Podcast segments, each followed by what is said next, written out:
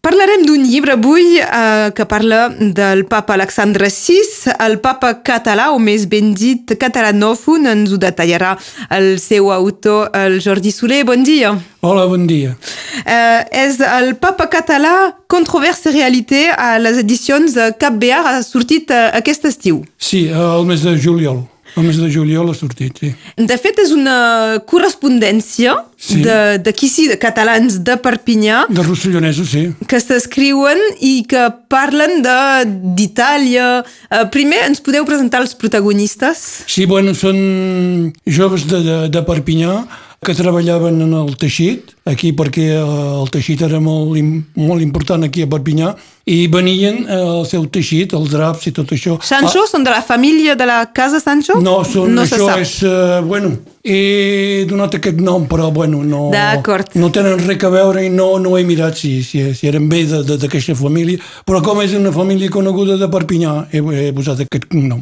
I un d'ells eh, se'n va a Itàlia per vendre els teixits de, de Perpinyà. I fa cartes als seus amics i cosins que són aquí a Perpinyà que ells tenen una fàbrica de teixits i de draps i tot això que ells també volen vendre allà. I s'estan escrivint l'un a l'altre i cadascú diu el que veu a on és. El que és a, a Itàlia, bueno, li diu tot el que passa a Itàlia i l'altre li diu tot el que passa aquí a Perpinyà i a Rosselló. Són cartes que heu trobat? No, és no, ficció. no, és ficció, no, no. A la televisió en diríem un, un docu-ficció. Això mateix sí, perquè... És versemblant. És per, per, per donar una història i que sigui més senzill de llegir. Així, aquest llibre es pot llegir, es prendre una carta, si una no t'agrada, passes a l'altra i així tens una, una vista general i és molt...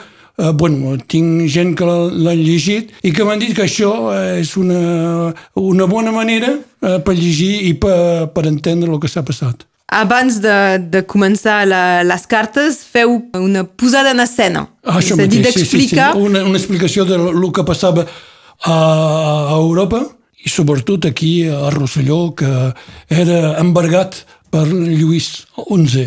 I el, els papes aquests catalanòfons és perquè són de València, doncs parlen català. Sí. Això, he, he, posat, sí, he, he- he posat català perquè són catalanofons i, per exemple, Alexander VI té família besavis de- d'aquí de, de Rosselló, la família Pons. Doncs per nosaltres eh, són catalans.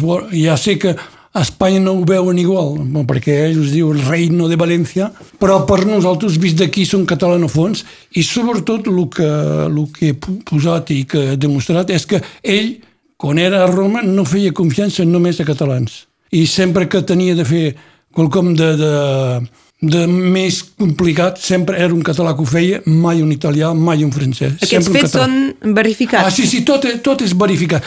El que ha, és, les cartes són, jo que les he escrit, no ells, però tot el que hi ha a dins, tot, tot, tot, és comprovat amb escrits i llibres de l'època, només d'allà. Com heu treballat? Bueno, he, he llegit els llibres que, que s'han escrit a aquella època, amb historiadors italians, que he llegit en francès perquè són traduïts, i dos historiadors espanyols que he pres eh, escrits en vell espanyol que he traduït i eh, són servit per, per tot això. Estem parlant amb el Jordi Soler del llibre mm, Alexandre VI, le pape català en controversa i realitat. Aquesta família, de, on hi ha hagut diversos alts càrrecs eh, al papat, Sí? és la família Borja, una família que realment eh, ha despertat molts misteris al voltant seu i molta això- controvèrsia, com sí, dieu en el mateix, títol. Sí, bueno, el, ell, eh, el seu oncle, que era el papa que se deia Calixte III, i després ell, eh, Alexandre VI. I eh, en ell, bueno, se li imputa moltes coses, però ha fet les mateixes coses que els papes que havia abans i els papes que, que eren... És això, heu volgut vol- posar en context En també context, sí, de dir que, que era l'època. Sí, eh, ha tingut cinc fills, fills i filles. I això tothom me diu que no és bé que un papa no tingui. Però el papa que va, li va seguir, que és Jules II, que aquest diuen que és un molt gran papa, va tenir dos filles. Bueno, és igual, en tenir cinc o en tenir dos. És tenir-ne. bueno, bueno. I el papa que ven abans, que se deia Innocent VIII, en va tenir set. I Sixte, un altre abans, van tenir dos. I eh, la manera de, de recaudar els diners ja ho feien abans, ho ha fet molt bé perquè en sabia Alexandre VI, i el que va seguir, Jules II, que tothom diu que és un gran papa, va fer igual, tot igual. Però ell, com era italià, tot era bé.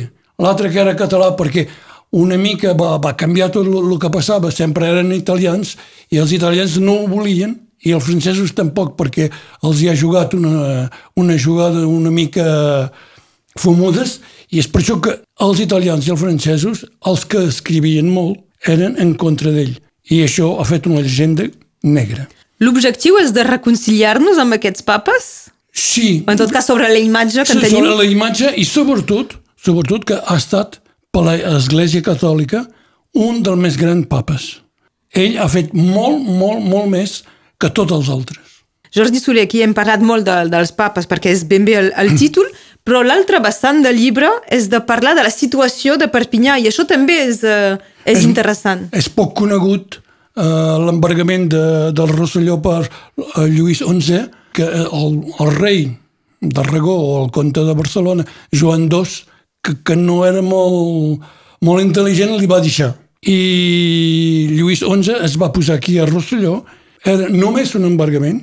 Normalment el comte de Barcelona encara era comte de, de, de Rosselló i, i de Cerdanya, però van tallar tot i eh, es pensava Lluís XI guardar-se el Rosselló eh, com després ho han fet el Tractat del Pirineus. Però aquí els catalans de, de, de Rosselló volien tornar cap a la, la corona d'Aragó. O en tot i... cas que se'ls respecti la, la manera de fer. La manera, sí, la manera de fer i tot el que tenien que fer, les costums i tot això, volien que, que això continuï, però també volien tornar i, i ser a, a Mosalt, perquè era molt important, perquè el comerç que feien de teixits era conjuminat amb el comerç que, que hi havia a Barcelona. I, eh, malauradament, sent així tallats, no els hi anava bé pel comerç. És uh, també des... l'altre vessant d'aquest ah, llibre. Sí, perquè com que és una, sí, sí. I de, un i, intercanvi... I, i, i, i uh, Emprès, el 1493,